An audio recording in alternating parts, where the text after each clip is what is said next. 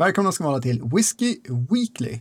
Den här veckan har Systembolaget bjudit oss statistiknördar på någonting, nämligen sin årsredovisning i försäljning. Och där finns det lite intressanta saker som vanligt. Förutom det så provar vi en riktigt frän Ben Romack. Mitt namn är Daniel Speyer och med mig som vanligt min kollega Ian Andersson. God kväll på er alla. God kväll, god kväll. Och du, du höjer glaset på en gång ser vi här. Ja, det är inget att hålla igen på. Liksom. Det är måndag kväll, då ska whisky intas. Både med näsan och mun. Ja, det är, det är sen gammalt. uh, ja, vi, vi, kan väl göra så. Vi, vi, vi börjar med den här Ben Romacken helt enkelt. Uh, ska vi berätta lite om den först då kanske? Den uh, släpps nu den 16 i andra på tillfälligt sortiment. 849 kronor.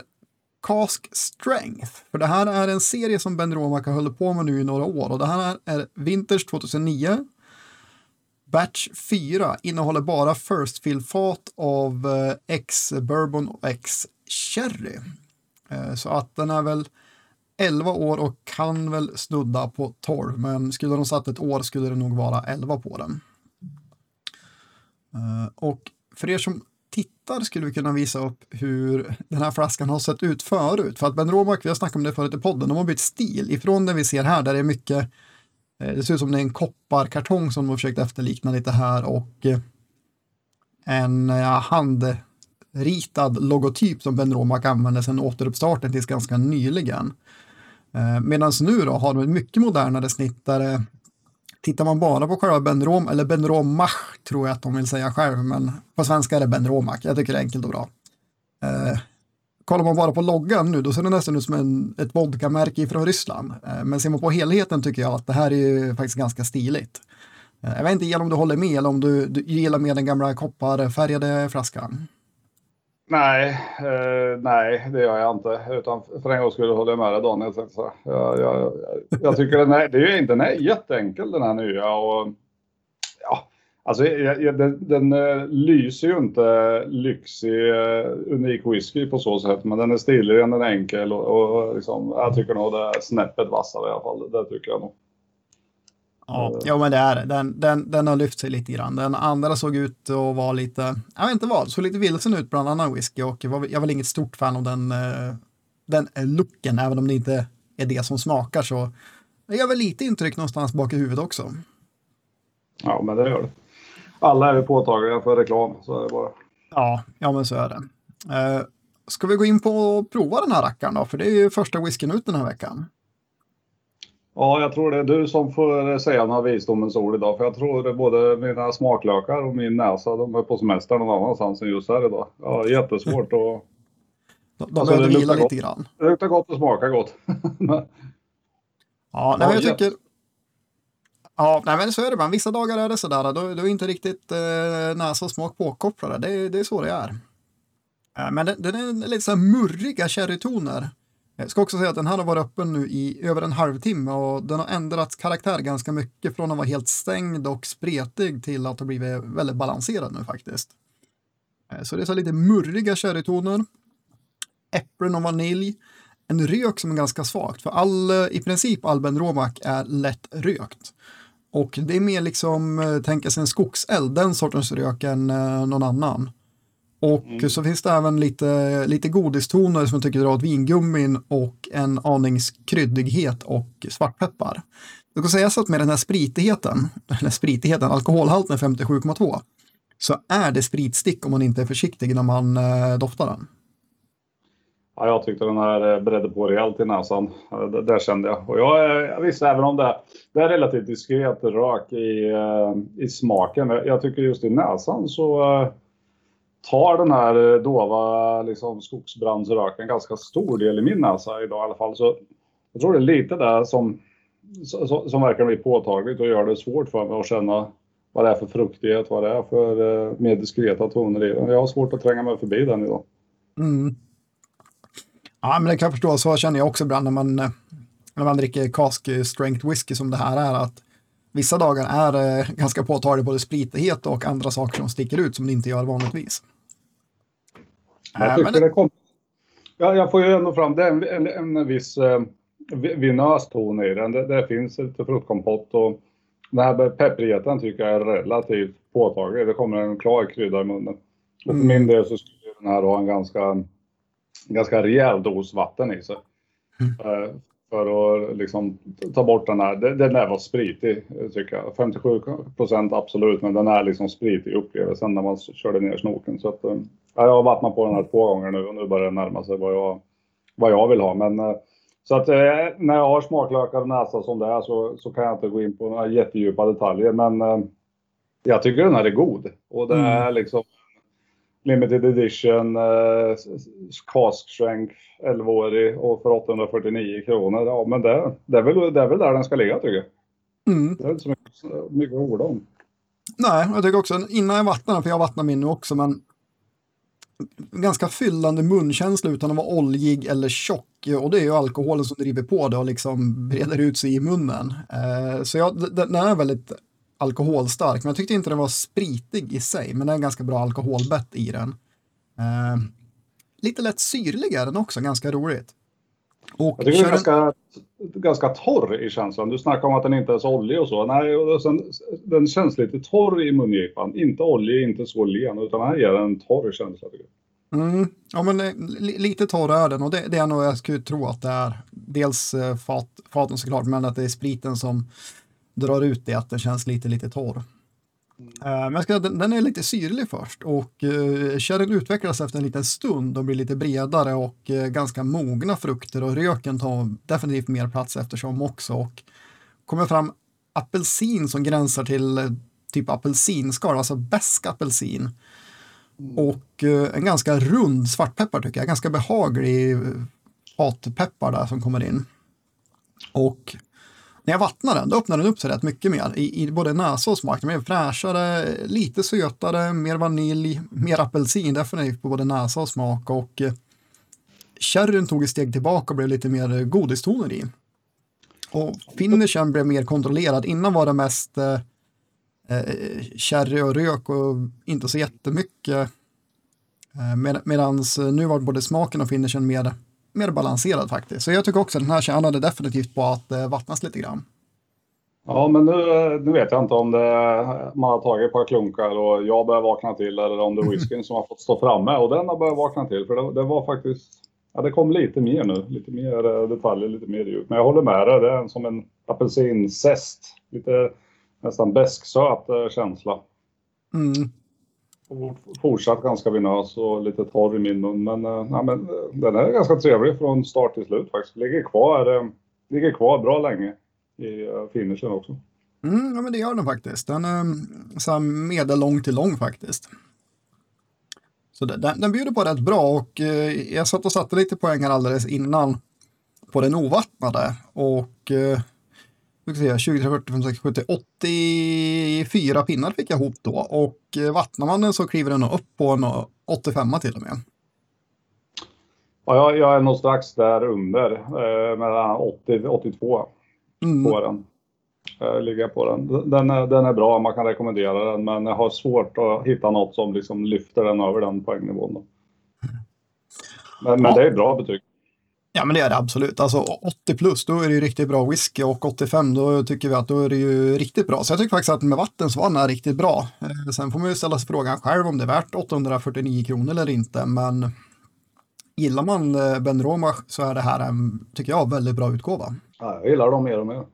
Mm. Ja, men faktiskt. Eh, De ägs ju numera av Gordon MacPhail, som vi provar en hel del av här i podden. Och de tog över det tre tror jag, av eh, det som idag är Diageo.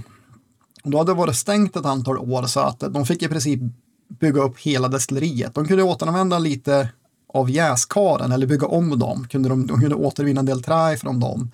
Plus själva eh, ja, vad ska man säga, dit spriten går efter kokning innan man fyller den på fat. Det kunde de ha kvar. Allting annat var man tvungen att byta ut. Så det var i princip ett helt nytt destilleri eh, med ny puts på väggarna och allting för att det var, det var tvungen att göra sånt från grunden helt enkelt. Eh, så de eh, gör sprit på det, det, tycker, det de tycker är ganska traditionellt vis då, där det mycket är görs för hand, eller väldigt mycket görs för hand i destilleriet. Det är inte liksom eh, datorer som driver och styr och eh, till och med lagerhusen ska man tydligen fortfarande föra för hand och det förstår jag inte varför man måste dra det till något sånt långt. Men ja, det är väl någon filosofi de försöker ha som ska vara genom hela verksamheten och då skulle det vara så. Old school. Mm, verkligen. Eh, dock så, de eh, var väl lite mer moderna, för de byggde faktiskt destilleriet så att en person skulle kunna köra hela destilleriet. Och jag tror idag är de två personer som sköter kokningen och så i destilleriet. Så ja, hyfsat lite destilleri. Eh, om det är runt 200 000 liter per år ren alkohol de gör. Och ganska god sådan. Mm, faktiskt. Ja, men de, de börjar övertyga mer och mer, så fortsätter de på inslagen bana, det kan bli riktigt fint faktiskt. Ja, det tror. Mm. Bättre och bättre. Ja, verkligen. Men vi fortsätter väl njuta av den och gå vidare på nästa whisky som också är på tillfälligt sortiment och då är det Glenkinchie som kommer och jag skulle säga det, jag är inte jättekär i Glenkinchie. Jag mest smakar deras 10 och 12-åring i och för sig, så inget äldre och inget märkvärdigt. Det passar ju verkligen inte min gom. Men vet, vet du någon som eh, har det här som något sorts favorit? Alltså, jag har aldrig hört det ploppa upp som något, liksom, det här är bra.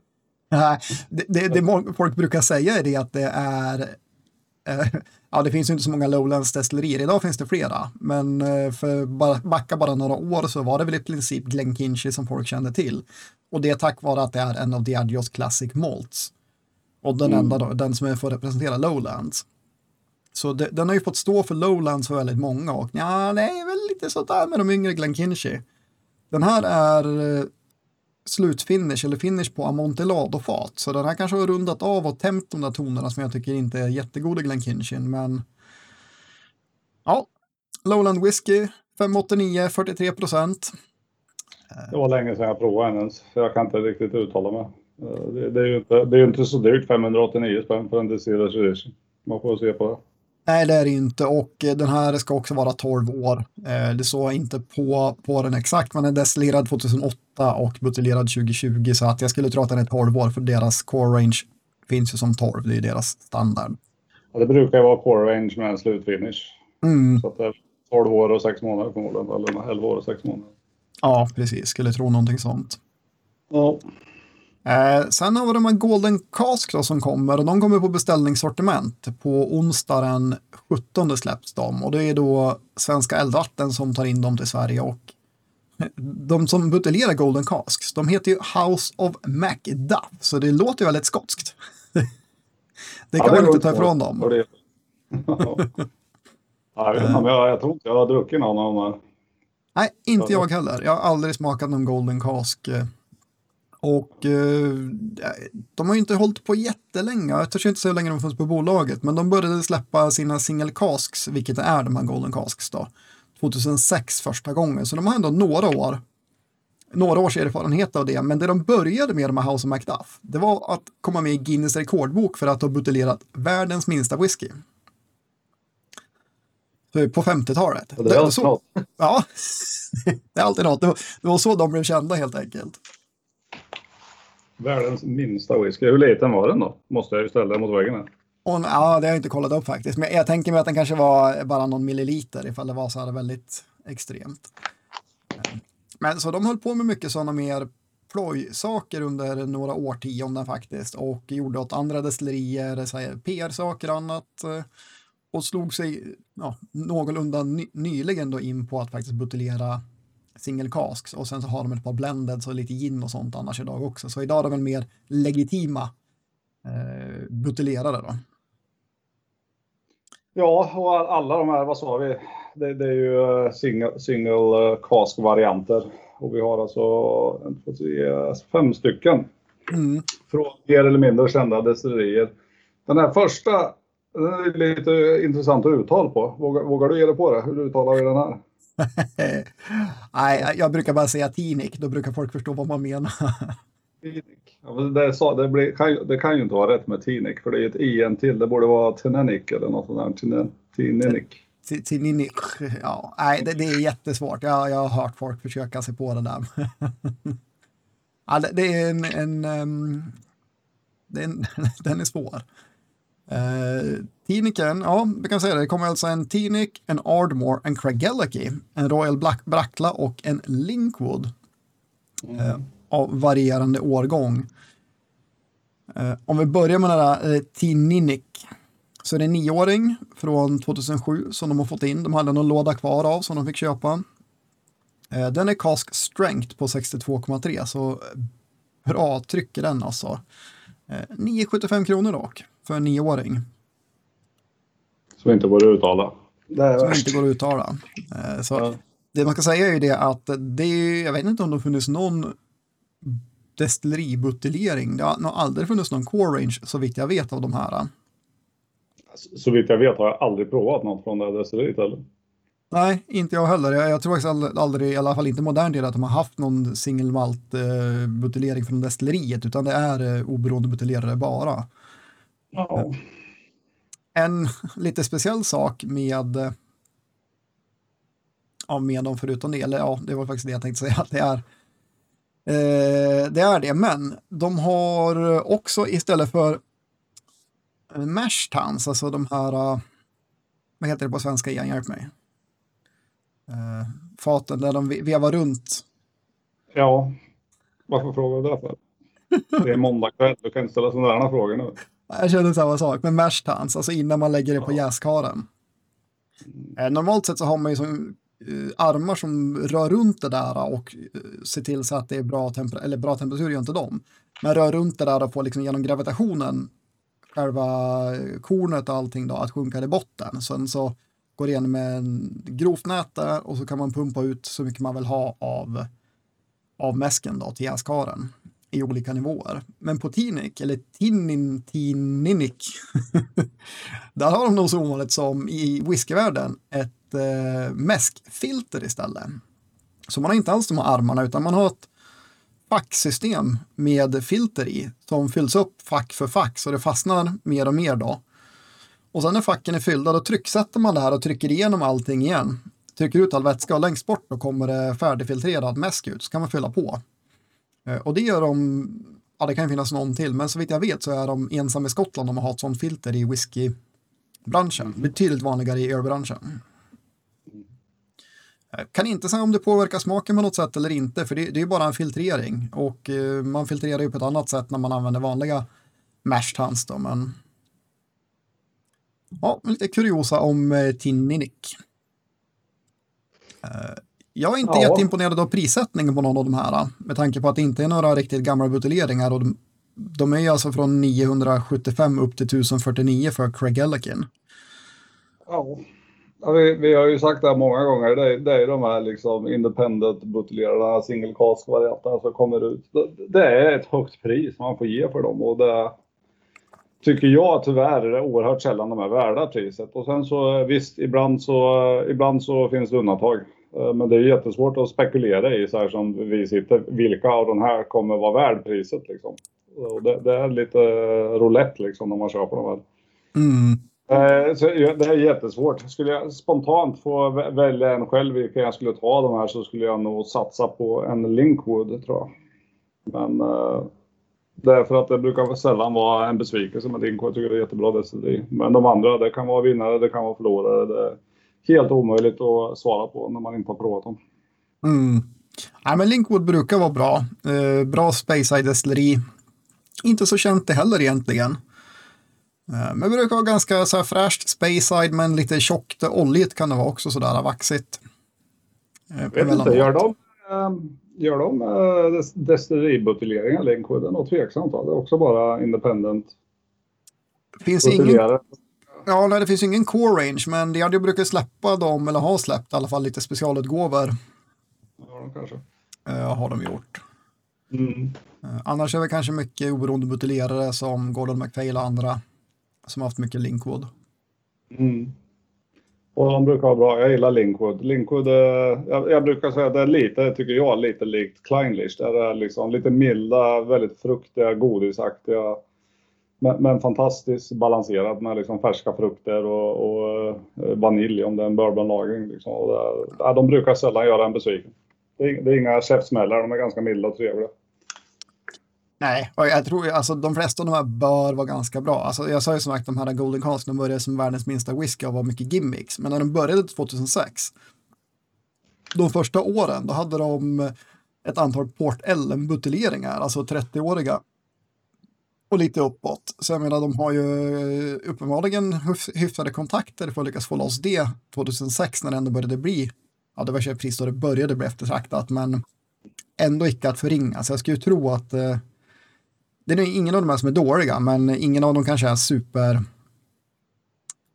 prissatta heller så man känner att det är ett fynd, utan som du sa igen, det, det är dyrt med oberoende buteljeringar idag.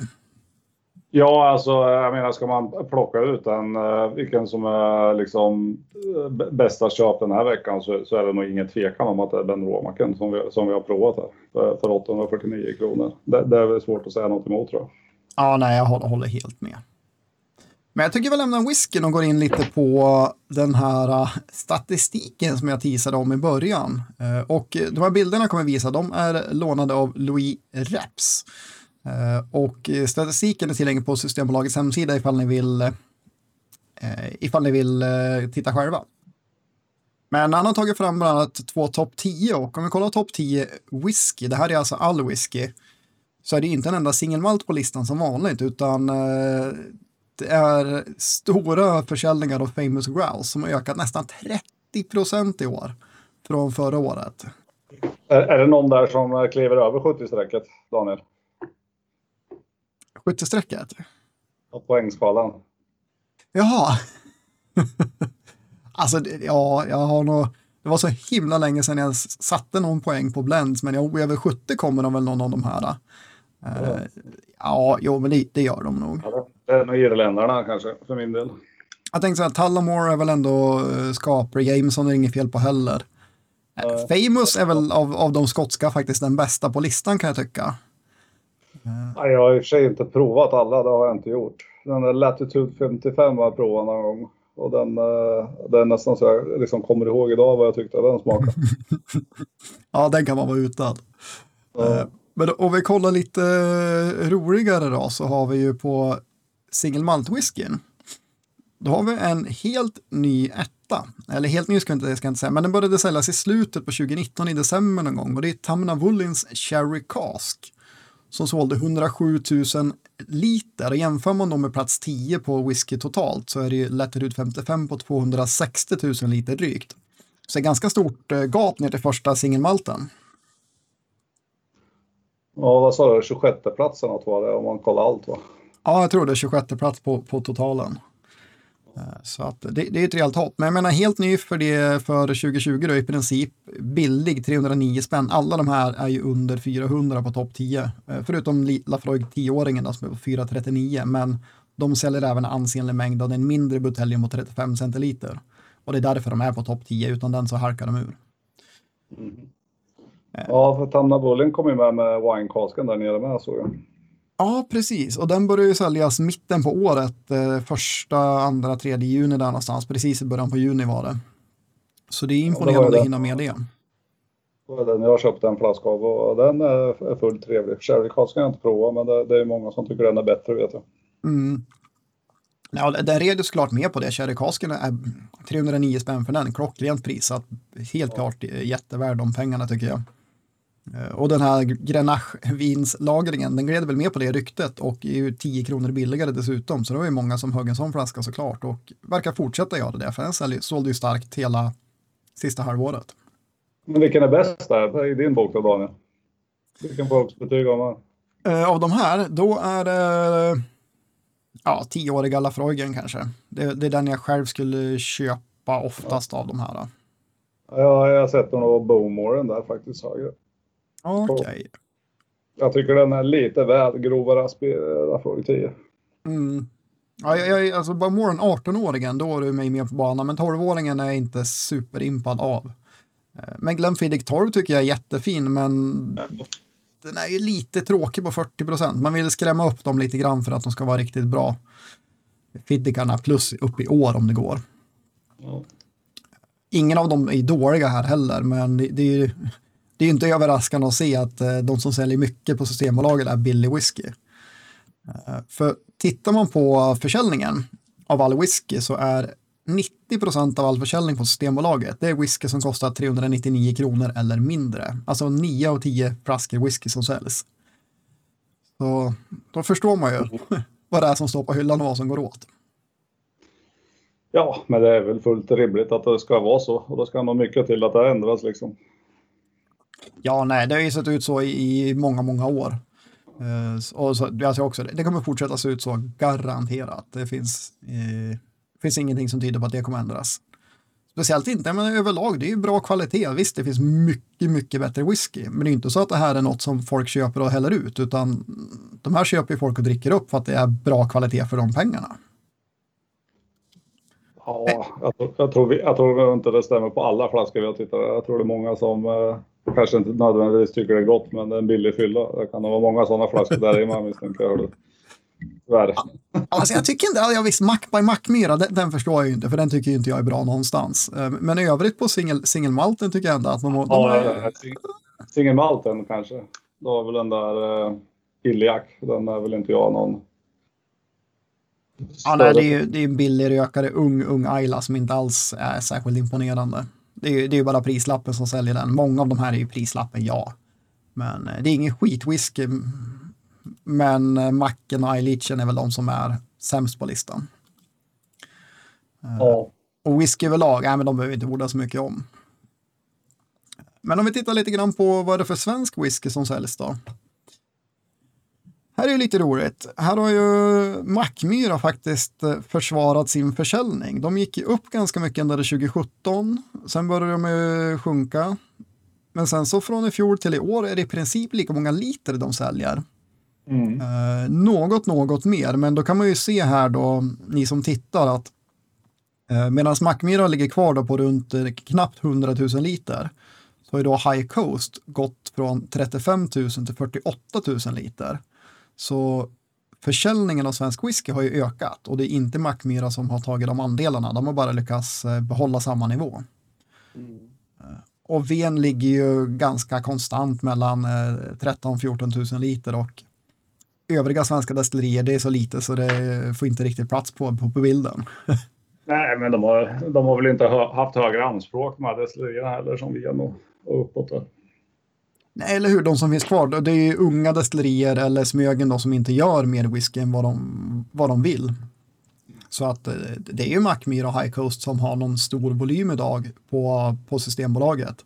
Mm. Eh, och, och Ven då, men de är ju inte heller ett stort destilleri. Men vi får se vad som händer om, om ett år eller två när Agitator börjar ska sälja ur Kina lager, vad som blir av det faktiskt, vart de kommer hamna på de här listorna. Ja, det där är outforskat för mig fortfarande. Nu måste jag prova något snart. Ja, och de har väl faktiskt riktig whisky i sina lager nu så att det är kanske på tiden att så fort den här coronan lugnar sig att vi tar en tripp till agitator. Vi tar podden dit och ser vad som händer. Det tycker jag, absolut. Eh, nästa vecka kan vi flagga nu. kan bli ett litet specialavsnitt, eh, inte för att det är speciell vecka. Wecka? Ser du, nu sjönk whiskyn ner där i Stockholm. ja, utan igen, du, du ska faktiskt ut, eh, du kommer inte vara hemma i alla fall. Eh, nästa måndag. Ska upp och åka lite skidor ja, så att det är möjligt att jag får spela in i gipsvagga, jag som är engelsman och inte har något i en skidbacke att göra. Så det kan bli ett spännande avsnitt som sagt. Eh, och jag hoppas jag kan vara med och spela in, men, men det löser vi på något sätt. Eh, men vi försöker släppa ett avsnitt nästa måndag. Gör vi det inte på måndag så vet ni i alla fall varför. Det, det händer saker. Eh, men med det, då är det väl dags att skåra ut och önska trevlig whiskyvecka. Skål på er!